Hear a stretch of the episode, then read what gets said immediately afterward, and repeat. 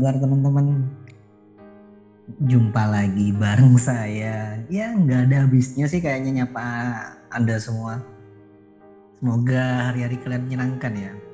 Saya kali ini temenin sama sahabat saya waktu berjuang zaman dulu, teman di apartemen waktu itu, Wimeta. Halo Wim.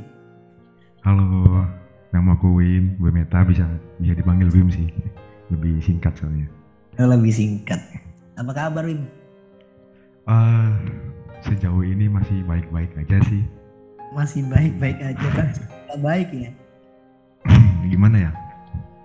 Ya kalau kalau dibilang nggak baik sih, ya cuman mencoba untuk selalu baik-baik aja meskipun nggak sejalan sama apa yang terjadi di kehidupan realita zaman sekarang. Kok kayaknya klise banget ya? Um, bahwasannya Anda ini nggak baik-baik aja, tapi sebisa mungkin uh, mencoba baik-baik aja. Eh, gimana ya bang? Gini, jadi wah kalau diceritain panjang sih ya. Ya tapi kalau tapi kan ini emang tempat buat cerita sih. ya, agak kencengan dikit suaranya. Oke oke oke. Sorry sorry, karena aku baru pertama kali eh, diajakin sama Bang Rizal nih buat join di podcast secara jarak jauh kayak gini ya. Iya, Anda soalnya sibuk kayaknya. Sibuk nganggur sama sibuk rebahan. Oke, gimana Wim tadi? Mhm. Oke, eh, Bang Rizal tadi bilang klise eh, tentang aku yang mencoba untuk selalu baik-baik aja padahal eh, realita di kehidupan zaman sekarang ini eh, kebanyakan membuat kita nggak baik-baik aja. Ya, bisa dibilang pasang surut sih kalau aku ya, karena hmm, mulai dari sekarang sih eh, kan udah umur segini nih Umur berapa kira-kira umur segini? Eh, ya oke bisa dibilang aku sekarang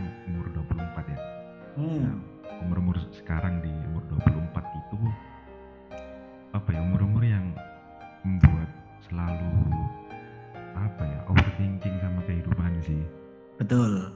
ya setuju kan bang ya Setuju. Oke, terus eh, overthinking yang bikin kita itu jadi apa ya selalu mikir kayak kok gini banget sih kehidupan zaman sekarang. Terus eh, kebanyakan sih dari hal-hal terdekat yang ada di diri kita sih biasanya. Lingkungan ya yang yang bangun kita buat berpikir kayak gitu ya. Ya itu itu salah satu faktor sih, salah satu faktor. eh, Karena gini, karena gini gimana? ya. eh, diam-diam sekalipun kita ini jauh ya nggak nggak nggak intens komunikasi yang kayak dulu mungkin eh, Oke. satu tempat tidur atau lagi nah tapi saya memperhatikan di meta bahwasannya baik dari postingannya ataupun status dan ya hal-hal yang mungkin bisa saya pantau dari sosial media ya Kenapa tuh? karena saya paham banget gitu loh. menurut saya eh, di antara teman-teman yang lain mungkin yang satu tempat waktu itu di apartemen cuman mungkin saya yang mendalami karakter Wimeta di antara yang lainnya kan Oke. nggak bisa diukur karena kita Kayaknya Bang Rizal ini itu ya eh, paling mengerti aku banget gitu ya kayaknya. yo karena jujur karena jujur di sisi lain ketika saya pilih untuk pergi dalam arti nggak nggak di sidoarjo lagi agak ngerasa bersalah iya. Karena ninggalin sesuatu ninggalin teman lah intinya. Ninggalin teman yang mungkin belum bisa kasih bekal ke depannya mungkin kayak gitu. Jadi agak berat sebenarnya cuman ya tahu sendiri lah di waktu itu kayak gimana kondisinya kan. Iya, tahu banget, tahu banget kayak gimana masalah yang Bang Rizal dan aku hadapi pada waktu itu bersama-sama ya. Ya. Jadi mm, ya mulai ya kalau eh, aku rasain sih ketika Bang Rizal udah nggak satu apa ya nggak satu tempat terus nggak nggak bisa eh, ketemu seintens kayak dulu sama aku aku ngerasa kayak eh, kok ada yang hilang gitu ya jadi kurang kurang lengkap rasanya karena karena kan dulu kan hampir hampir tiap hari kita kita Mm-mm. eh, diskusi cerita terus kita eh, cerita tentang apa pun gitu sih mulai Iya. dari hal-hal yang receh sampai hal-hal yang serius kita omongin gitu nah ketika Bang Rizal udah nggak di sidoarjo tepatnya eh, aku ngerasa kayak eh, aku kehilangan apa ya kehilangan sosok seorang sahabat sosok seorang kakak yang eh, sebenarnya aku bisa dapat ilmu banyak dari situ. Cuman eh, eh, karena dipatahkan oleh keadaan yang harus memungkinkan buat Bang Rizal untuk nggak di Sidoarjo ya aku kaget gitu nggak nyangka kok kok bisa sih kayak gini gitu. Ada apa di balik ini? Rahasia ada rahasia apa di balik itu gitu? Aku rasa gitu bang. Tapi terjawab nggak kira-kira setelah- selama kita nggak nggak ketemu? Eh,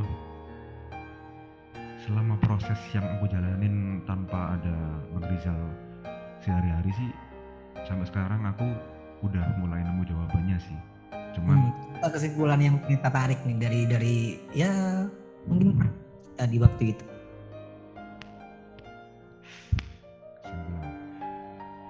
Eh, untuk sekarang sih yang paling aku rasain ya eh, mungkin dengan kita pisah gitu Eh, dalam artian kita pisah eh, beda tempat terus nggak bisa ketemu lagi nggak bisa Hmm. ngobrol tidak biasanya Hmm?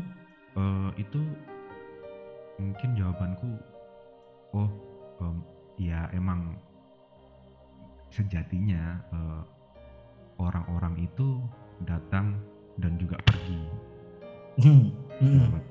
Nah, eh, awalnya aku nggak terima itu, tapi eh, lama kelamaan karena aku juga dapat eh, sharing-sharing cerita juga ke teman-temanku, eh, terus sharing-sharing sama orang tua juga. Jadi ya mau nggak mau, siap nggak siap, kita harus eh, menyambut kehilangan orang-orang yang pernah hadir dan pernah menjadi bagian terpenting dalam hidup gitu Hmm. oh oh jadi gitu ya udah eh, akhirnya mau nggak mau ya eh, aku harus terbiasa dengan eh, ketidakhadiran Bang Rizal di sebelahku di sampingku gitu kan Hmm. tapi tapi dari situ aku ngambil hikmah positif bahwa apa yang pernah Bang Rizal sampaikan apa yang pernah Bang Rizal omongin ke aku itu eh, bisa jadi ilmu yang bisa aku terapin buat aku ke depannya gitu dan eh, dan sesuatu yang mungkin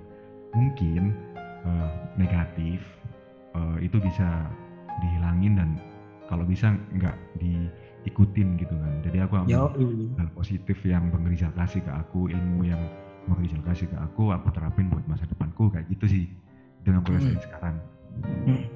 Oke. Sama kata-kata yang tadi bahwasanya kita ini eh, wah, kamu lagi di fase yang tidak baik-baik aja tapi mencoba baik-baik aja itu yang Iya. kayak gimana? aduh gimana ya Ah, kalau aku Apa sih yang bikin uh, complicated banget buat kamu mikir kayak gitu? Karena gini, Bim. Eh, overthinking itu terjadi mungkin ya, apalagi di era pandemi ini. Kita ini susah sosialisasi, susah ketemu temen. Jadi eh, mau nggak mau kita harus mengelola pikiran kita sendiri tanpa ada teman sharing, iya Iya, nggak sih? benar, setuju Jadi mau nggak mau kita harus mecahin sendiri, nggak ada teman buat diskusi. Kadang aku juga ngerasain hal-hal yang kayak gitu. Mungkin eh, aku lagi ada masalah nih, aku masalah kerjaan nih, aku mau cerita sama siapa ya? Masalah masalah asmara sama siapa ya? Dulu ketika kita ada masalah, kita duduk berdoa di depan teras. Ya, itu mungkin ya itu, beberapa itu, itu sih ya. kayak Eh, beberapa beberapa eh, kejadian yang membuat kita jadi sharing-sharing bareng berdua sampai nggak kenal waktu sampai kita nggak Hmm. tidur tidur itu sampai jam 7 pagi baru tidur terus kita nggak sarapan dan sebagainya kayak gitu sih yang kita alami. Aku rindu sih bang masa-masa kayak gitu. Cuman eh, bisa nggak ya? Balik kayak dulu lagi kayak gitu. Gini sih sebenarnya gini. Aku sudah ada beberapa rencana ke depannya. Pun juga pengen ngelibatin Wimeta cuman sekarang kan Wimeta lagi berkutat sama skripsinya. Kalau seandainya mungkin sudah nggak punya tanggungan ataupun Wimeta berani mengambil resiko untuk apa ya istilahnya? Ya kayak semacam kayak oh, cari sampingan lah ya kan. Tapi ya mungkin nggak di sidoarjo gitu loh.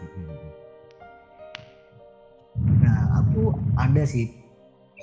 Dalam arti pengen ngajak kerja Wimeta ya mungkin kita bisa tetap satu tempat lagi kayak dulu itu juga sudah ada pandangan. Oke. Ya aku tunggu sih kalau gitu kabarnya iya karena gini ya ada beberapa kerjaan yang memang harus keluar kota dan kamu kan tahu sendiri lah aku harus ke mana ke mana. Nah itu uh, lambat laun aku ngerasa aku juga butuh partner. Misal ketika aku lagi pulang nih ketika aku ada urusan lain nih nah ada partner yang bisa uh, nge-backup. Karena selama ini uh, aku ngerasa kerja sendirian banget ya mungkin kan kalau dulu ya misal kalau kita dulu aku ada kerjaan gini kamu yang bantuin kamu yang ya istilahnya kayak apa ya saling mengisi satu sama lain sih. Bener bener sih. Itu itu Tapi, apa ya jadi kerasa kita saling mengerti gitu loh. Kalau misalkan tanpa tanpa harus disuruh kita udah tahu satu sama lain oh uh, bang Rizal butuh ini nih. Jadi aku harus uh, cepet-cepet bantu kalau misalkan iya. aku butuh sesuatu bang Rizal juga langsung bantu. Ya, kayak gitu sih. Itu jadi ikatan ikatan tapi hal-hal jadi uh, seru. Tapi hal-hal yang mungkin buat uh, apa ya agak dalam itu ketika di meta ada masalah dan nggak pengen diganggu. Aku paham gitu. Dan aku ada masalah aku nggak pengen sembuh paham iya, iya, kan? gitu kan? Bener banget. Nah aku uh, mungkin kayak kehilangan hal yang kayak gitu sih dulu itu kalau seandainya memang uh, di waktu itu nggak ada kayak gitu ya mungkin tetap lanjut tapi kan kita nggak mau nggak mau kan harus ngikutin jalur uh, alur ya, kehidupan setuju. uh, nah terus seru nih ini Terus apa, lagi bang? Uh, apa ya? Ya mungkin kita apa ya kayak semacam kita dulu sibuk di kampus, ada event A, event B, mesti kamu yang selalu aku libatin uh, dibandingkan teman-teman yang lain, mesti kamu yang aku kabarin. Ya, kan? Benar.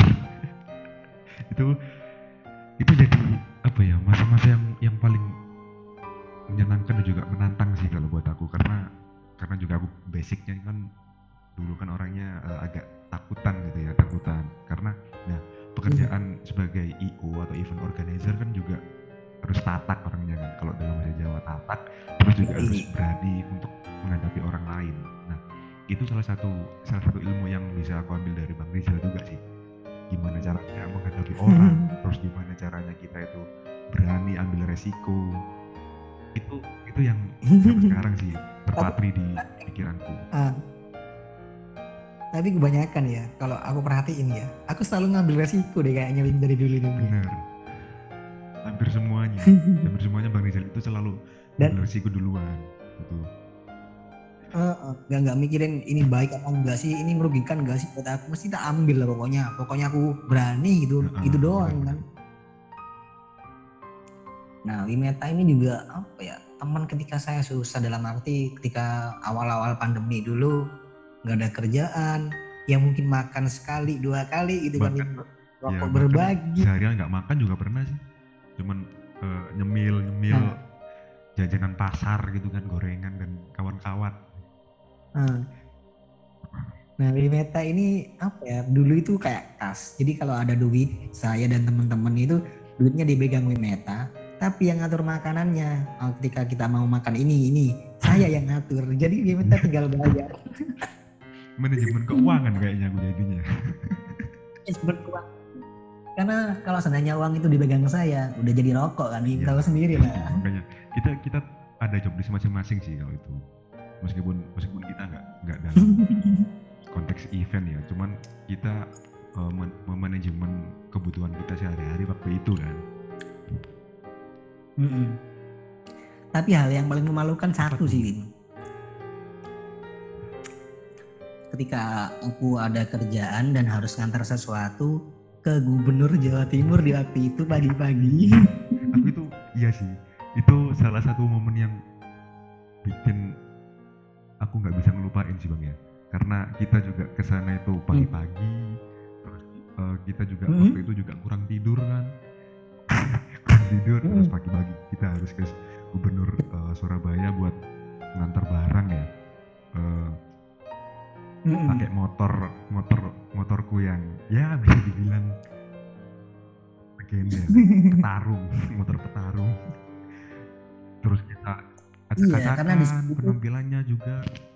Jadi ya aduh itu momen yang paling aku ingat sih waktu itu. Dan saya sempat diusir di waktu itu di di, di gerbang itu masuk. Ditanyain mau ke mana diklaim gembel kali ya. aku ingat ya bang Rizal pakai celana yang sobek-sobek sih kayak kayak anak jalanan gitu sih pakai sendal aku nunggu di luar Ya. kayak orang ya begitulah. nggak punya tujuan hidup gitu lihat jalan masih sepi kok pagi-pagi sepi nggak ada kendaraan dilihatin orang dari jauh dikira dikira apa gitu orang itu aneh Kita cuman beli kita cuman beli teh ya kalau Iya, nggak salah waktu itu ya. cuman itu sih itu pun eh, kalau nggak salah beli satu buat berdua kalau nggak salah Bang, ya. Iya beli satu. Ya emang karena duitnya mepet di waktu itu. Tapi apa ya kadang saya rindu sama tempat kita di apartemen dulu ya.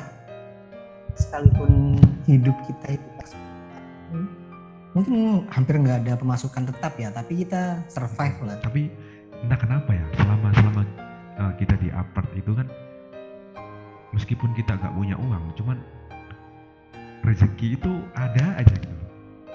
Yang penting yang penting Bener. eh, satu kita bisa beli rokok. Meskipun itu rokok eh, ngecer sih ya ngecer. Tapi ada. Pasti ada gitu. Setiap hari ada rokok terus ada makanan. Kadang-kadang juga eh, dikasih sama tetangga tetangga kos yang baik hati lah Tapi eh, aku inget inget inget. Betul dalam arti waktu itu kita itu hari terakhir kalau nggak salah di apartemen kita itu belum bayar kos kosan kita juga belum makan uang dikumpulin semua buat beli makan beli mie sama beli apa ya nak Eh, tempe penyet kalau nggak salah waktu itu ya. Iya iya sih benar benar benar. Malam. Itu udah jadi satu kali makan kita anggap udah jadi tiga kali. Betul. Yang penting perut perut keisi gitu aja sih. Ya dan Wimeta ini juga saksi bisu sebuah bukan sebuah sih mungkin saksi bisu saya waktu itu bucin atau ya, aduh kalau kalau itu sih. Gimana ya? Iya bisa, bisa dibilang sih tapi aku tahu dalam arti gini kan dengan terjadinya hal-hal yang kayak gitu kan bisa menilai atau mungkin bisa memperbaiki diri jauh lebih baik lagi kan. Benar. sampai bela-belain eh, sesuatu buat pergi tempat jauh. Itu iya. Tiga. Habis duit ya kan? Itu momen momen yang seru juga dan juga eh, bikin kita jadi punya pilihan di situ kan. Kita berangkat atau enggak waktu Ya. itu posisinya bang Rizal Ya. ya kayak biasanya langsung eh, ambil resiko enggak eh, enggak belakangnya baik atau Betul. buruk langsung gas berangkat gitu aja betul ya pada akhirnya pun kita eh, apa bukan kita sih eh, aku juga ternyata mendapatkan hal-hal yang mungkin negatif dalam arti nggak sesuai ekspektasi tapi dengan terjadi kayak gitu kan oh iya nih ini nggak baik nih kan apa kita berjuang sampai segitunya. Dan kamu tahu Bim itu kan juga kamu tahu sendiri kan itu tabungan terakhir saya gitu. tahu banget. Tahu. Tapi eh, aku pengen sih dalam arti ke depannya ya mungkin kerja yang agak jauh dan Mimeta juga terlibat wah kayaknya asik lah di mana ketika momen Mimeta lagi jengkel sama aku ketika momen aku lagi jengkel sama Mimeta dan ya itu wajar sih karena karena kan kita juga eh, sering beda pendapat sih. Jadi ya uh, gimana caranya harus menyatukan uh, satu visi yang sama gitu kan meskipun beda pendapat. Itu dan Wimeta uh, maksudnya misal nih uh, saya hari ini lagi nggak enak nggak enak sama Wimeta nih. Besok juga hmm. kelar gitu kan. Jadi masalah malah masalah sesimpel apa pun kalau bisa sehari itu harus kelar gitu. Jadi nggak bertumpuk sampai berhari-hari masalah ini dipendem dipendem gitu. Nggak kayak gitu sih. Gak kayak gitu. Oke. Bim uh, sekarang kita bahas hal-hal yang mungkin ke depan ya. Dalam arti gini Bimeta pernah memikirkan nggak Bimeta ini uh, ke depan mau jadi apa sih? Kerja apa sih? Ada jaminan enak nggak hidupnya pernah mikirin sampai ke hal-hal yang gitu? Kayak gitu sih sempat kepikiran sih. Sampai sekarang sampai ah. sekarang juga aku sempat kepikiran. Uh, oh. kan aku juga sekarang posisinya lagi uh, skripsi nih revisi. Nah uh, tar targetku targetku terdekat ini kan lulus. Amin lulus lah. Terus? Nah ketika uh, aku pikir itu uh, setelah lulus aku mau ngapain nih? Nah itu itu masih berangan-angan gitu kan. Uh, gimana caranya aku bisa minimal itu dapat pemasukan sendiri dari usaha sendiri tanpa merepotkan orang-orang yang ada di rumah terutama orang tua gitu. Tapi untuk spesifiknya sih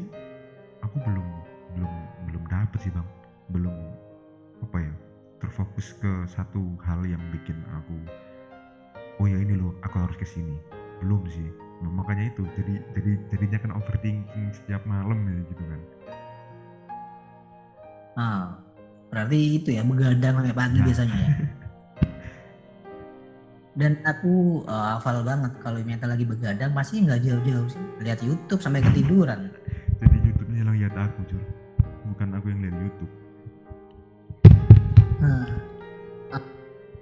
gini sih aku juga mikirin hal-hal yang kayak gitu. Aku bisa nggak ya nanti kalau sebenarnya nikah menghidupi keluargaku mungkin bisa memberikan kehidupan yang lain tapi lagi sama kitanya sih. Kita kan juga nggak pernah tahu ke depan kita jadi apa. Seenggaknya uh, saranku sih buat kamu jangan terlalu jauh lah. Pikirkan hal-hal yang kamu bisa lakukan dulu. Misalnya aku bisa kerja kayak gini nih. Nah coba aja dulu. Nah mungkin bisa ikut aku. Coba aja dulu kan hal-hal yang kita coba-coba mungkin uh, jodoh kita atau rezeki kita kan nggak gitu. itu sih ya aku aku juga uh, kepikiran itu sih. Jadi untuk sekarang uh, apa pun yang bisa aku lakuin apa pun yang bisa membuat diriku itu nggak nggak selalu jadi beban gitu nggak selalu jadi beban pikiran apa pun aku lakuin. Dan sekarang juga uh, hmm. untuk mengisi kekosongan kekosongan hari-hari setiap hari. Itu hmm. aku juga uh, mencoba untuk cari uh, pengalaman lowongan kerja di sini di sini di sini. Ya meskipun sampai sekarang mungkin belum dapet cuman ya apa salahnya sih kita berusaha kan gitu kan? Nah gitu, gitu sih bang. Ya benar. Jadi apa apa yang bisa aku, aku lakuin sekarang ya itu bakal aku lakuin apa pun itu. Yang penting halal dan gak ngerugiin orang lain. Oke. Nah kalau ngomongin soal overthinking overthinking misal mikirnya kayak gini. Uh, andai aja kamu dilahirin dari uh, keluarga yang kaya raya yang mungkin apa-apa itu ya mungkin startnya itu udah udah beda dan dalam arti sudah di atas. Pernah mikir hal-hal yang kayak gitu? Oh pernah banget bang. Bahkan sampai sekarang pun kan iya aku juga gini gini ya, ya iya sih. Jadi uh, aku pernah kepikiran gitu. Uh, enak enak mungkin ya kalau uh, berasal dari uh, keluarga yang cukup yang beruang gitu kan. Cuman uh, kenyataannya hmm. berbalik. Aku juga aku bukan dari keluarga kaya dan tapi orang-orang itu nanggapnya orang tuaku itu kaya. Entah dari mana mungkin hmm. ya mungkin uh, dari style mungkin ya style penampilanku mungkin. Jadi kayak gitu.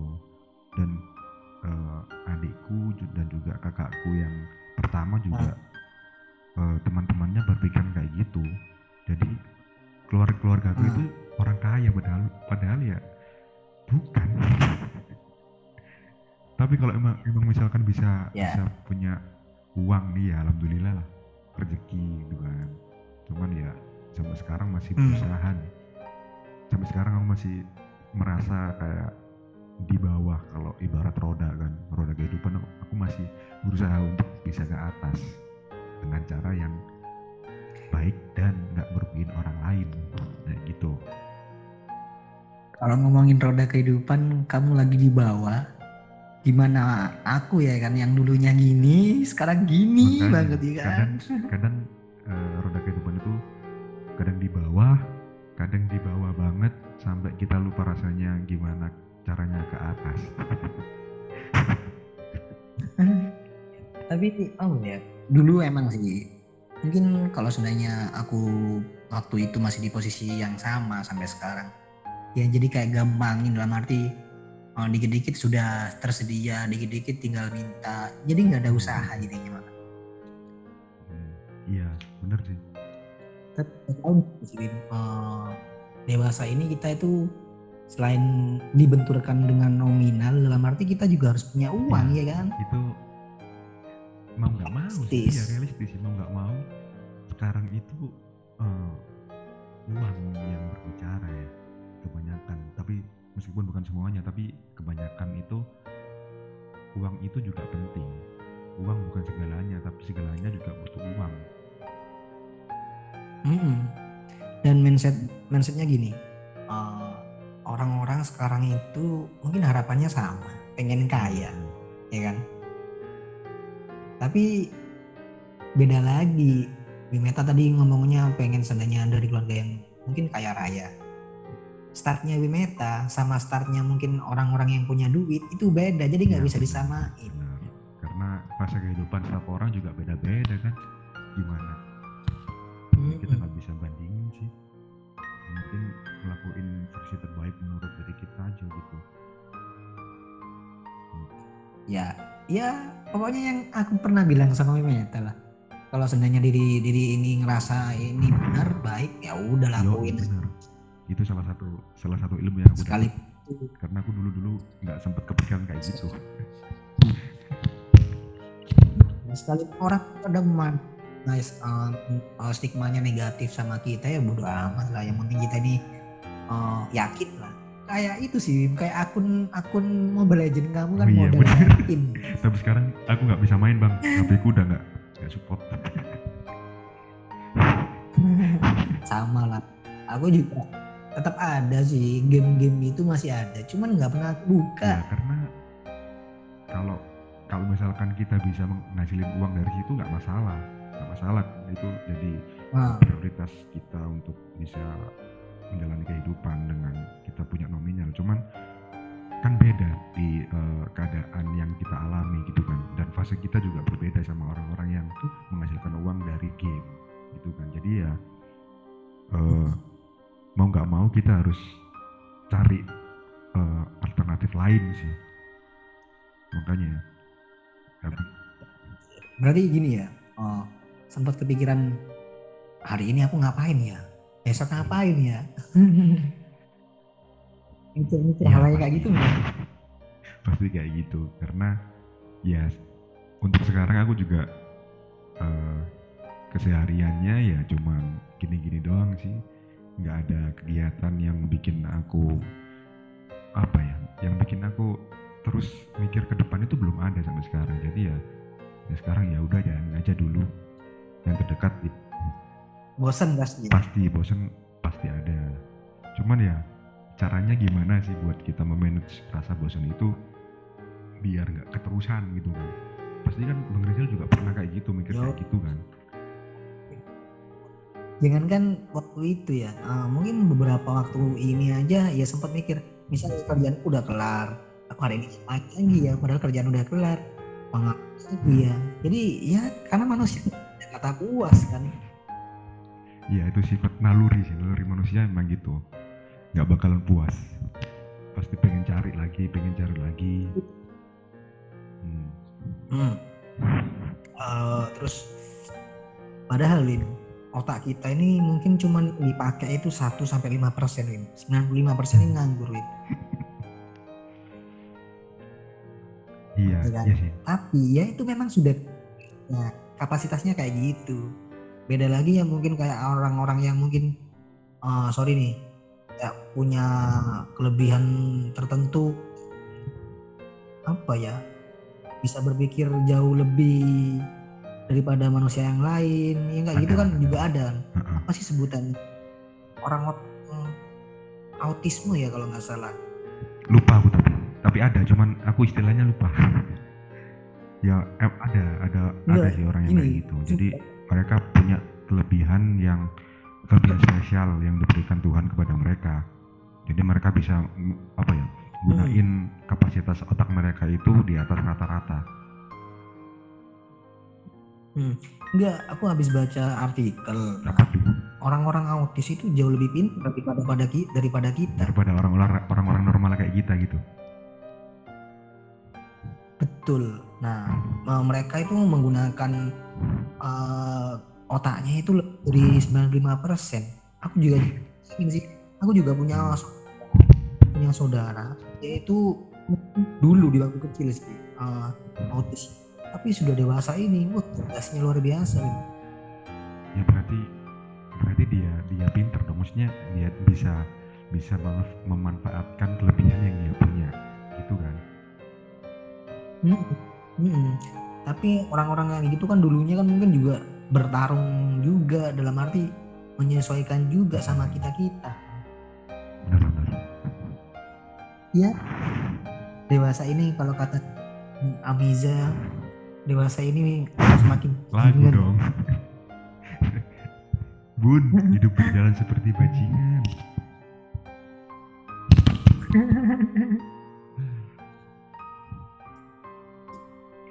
Ya harapan saya semoga Wimeta nanti sukses ke depannya. Pun kalau seandainya uh, punya pandangan-pandangan, oh iya ngomongin pandangan, apa nih?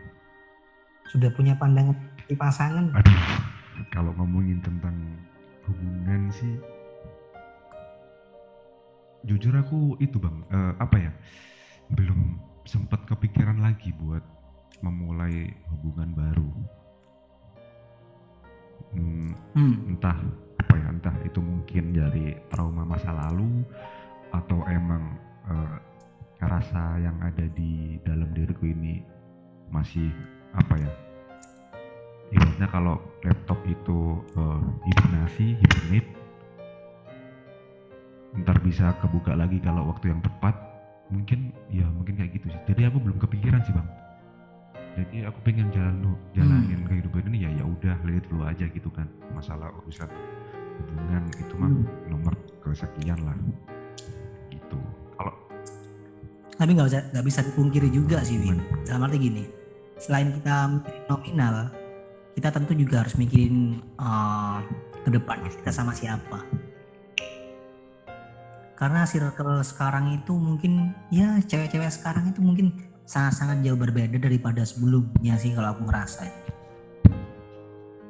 itu 100% akurat. Kalau Bang Rizal gimana nih? Ada ada juga ada pandangan nggak buat eh, hubungan asmaranya Bang Rizal nih? Ini pertanyaan mematikan ya. kan? Eh, kita sharing-sharing kan. Siapa tahu Bang Rizal udah dari kejadian di masa lalu bisa jadi pelajaran buat Bang Rizal sekarang gimana eh, caranya buat menghadapi asmara hubungan asmara yang baik dan benar gitu. Gimana? Intinya nggak dulu sih, gitu aja sih. tapi ada pandangan nggak dari Bang Rizal? Kita kan udah lama nih nggak nggak nggak komunikasi dalam arti tahu satu sama lain dalam apalagi ngomongin pasangan ya. Nggak dipungkirin sih ya dulu ini sempat ada silih berganti lagi ya maju masalahnya nggak gitu sih Win ya mungkin mereka cuma tempat singgah sih lah Hmm, jadi tempat singgah dan aku pada akhirnya juga ketemu sama orang yang menurutku tepat. Tepat ini dalam arti satu pemikiran satu visi misi dan tahu satu sama lain lah jadi Tapi untuk sudah kita sekarang jalanin, sudah jalanin udah ada dong buat satu yang satu frekuensi gitu kan. Sudah. Pertanyaannya Iya, kan ada atau enggak ya? Misalkan Intinya. enggak, kenapa?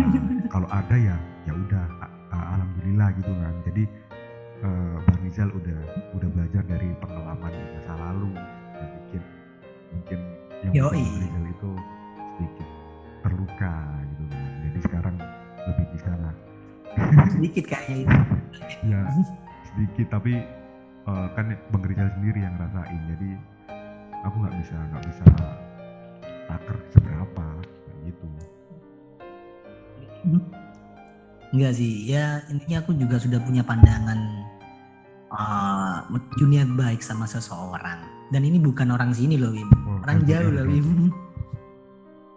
aduh Yoi. Tapi gimana ya? Uh, uh, sudah ada pandangan mungkin ya insya Allah setahun dua tahun mungkin oke lah. ada rencana ke yang lebih serius nggak bang So-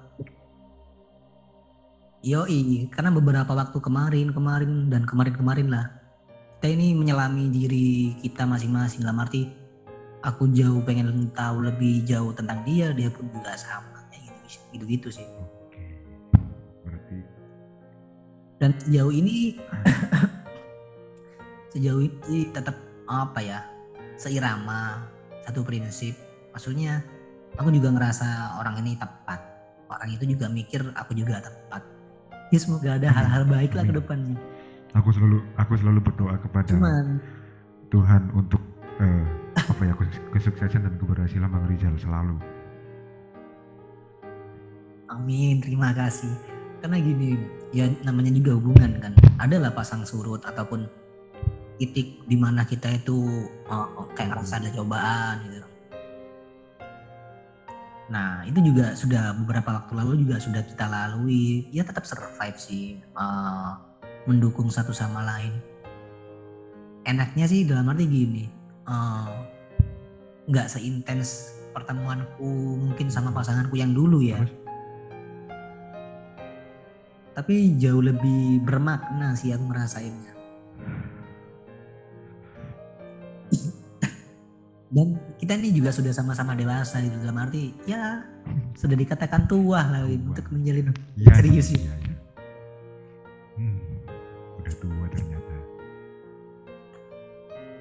Tapi Wim, kalau seandainya dikaitkan lagi sama nominal, waduh Wim, selesai Wim.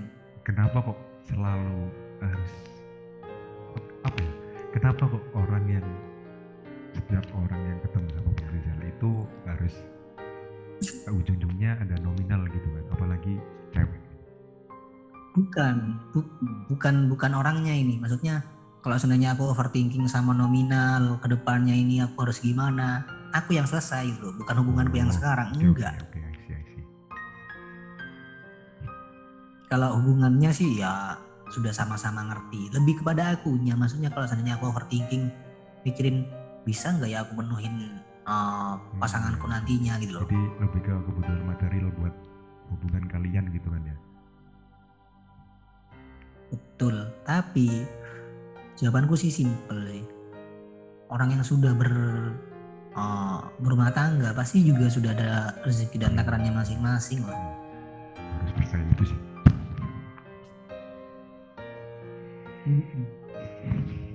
Uh, terus kalau seandainya ngomongin masa depan, Kumeta sekarang ini sibuknya ya gitu-gitu doang, masih uh, berkutat sama skripsi. Targetnya kapan? Ya sudah. Bismillah ya Bismillah kalau misalkan eh, prosesnya proses skripsi ini cepat nanti insya Allah bulan bulan Juni bisa wisuda sih kalau kalau misalkan telat pun Ah, eh, aku ambil yang bulan Oktober kalau bisa harus tahun ini pokoknya ya oke. Aku rencana sih bulan depan itu ada ada kerjaan juga sih di luar kota. Ya mungkin kalau seandainya memang uh, butuh dan bisa ngajak Wimera, Ya, ajak lah, Bang. ajak lah. Iya dong. Mak- ya itu itu tadi kan uh, balik lagi ke omongan awal. Uh, apa pun yang bisa dilakuin ya harus harus dijalankan gitu dan mungkin kita uh, terus Yo, ngelakuin dengan hal-hal baik itu tanpa merugikan orang lain. Ya oke okay. nggak kerasa kita udah diskusi sekitar 40 menit. Ya mungkin ini lebih kepada apa ya ya. pengalaman hidup ya mungkin ya. Awalnya uh, ada pertemuan dan akhirnya harus ada perpisahan juga sih. Ya pada akhirnya semua itu kayak gitu sih. Sekalipun kita sudah punya pasangan toh juga kita bakal berpisah. Mungkin berpisahnya dalam uh, unsur uh, meninggal atau yang kayak gimana kan ya tetap aja lah ngadepin kayak gitu. Karena di dunia ini ada empat hal yang misteri gitu. misteri dan gaib. Kayaknya kamu juga pernah tahu deh mungkin. kalau seandainya kamu nanya sama aku Bang Rizal ini sudah punya jodoh belum? Sama halnya kamu itu nanya uh, kapan Bang Rizal mati? Kayak gitu. Kalau yang keempat itu uh, apa ya? Ya alur kehidupan kita ke depan ini jadi apa? Dan sama siapa kita nggak ada yang tahu. Masih masih tanda tanya pasti betul. Ya intinya kita melakukan hal-hal yang menurut kita baik dan benar lah. Jangan takut dicemooh intinya. Yang penting kita nggak merugikan orang lain ya udah kita jalanin aja gitu kan. Yang penting. Yo Oke Wim, uh, saya semoga ya, Wim tetap sukses ke depannya. Skripsinya lancar dan kehalangan. Ya dan semoga bisalah kita bersuah nantinya. Mungkin dalam pekerjaan juga insya Allah kita kayak gitu kan. ketemu lagi kayak dulu bang. Dan kita bisa uh, berbagi cerita lagi yang lebih menyenangkan dan lebih seru gitu kan. Amin. Oke sama-sama bang. Oke, makasih, makasih diskusi malam diskusi. ini.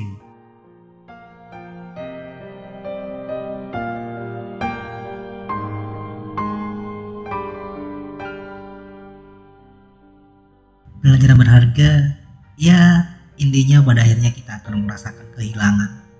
Entah sahabat teman ataupun sosok yang kita anggap paling sempurna termasuk pasangan. Dan yang terpenting kita berusaha bagaimana caranya untuk mensyukuri menghargai kehadiran seseorang yang telah hadir dalam hidup kita. Terima kasih teman-teman. Sampai jumpa di podcast berikutnya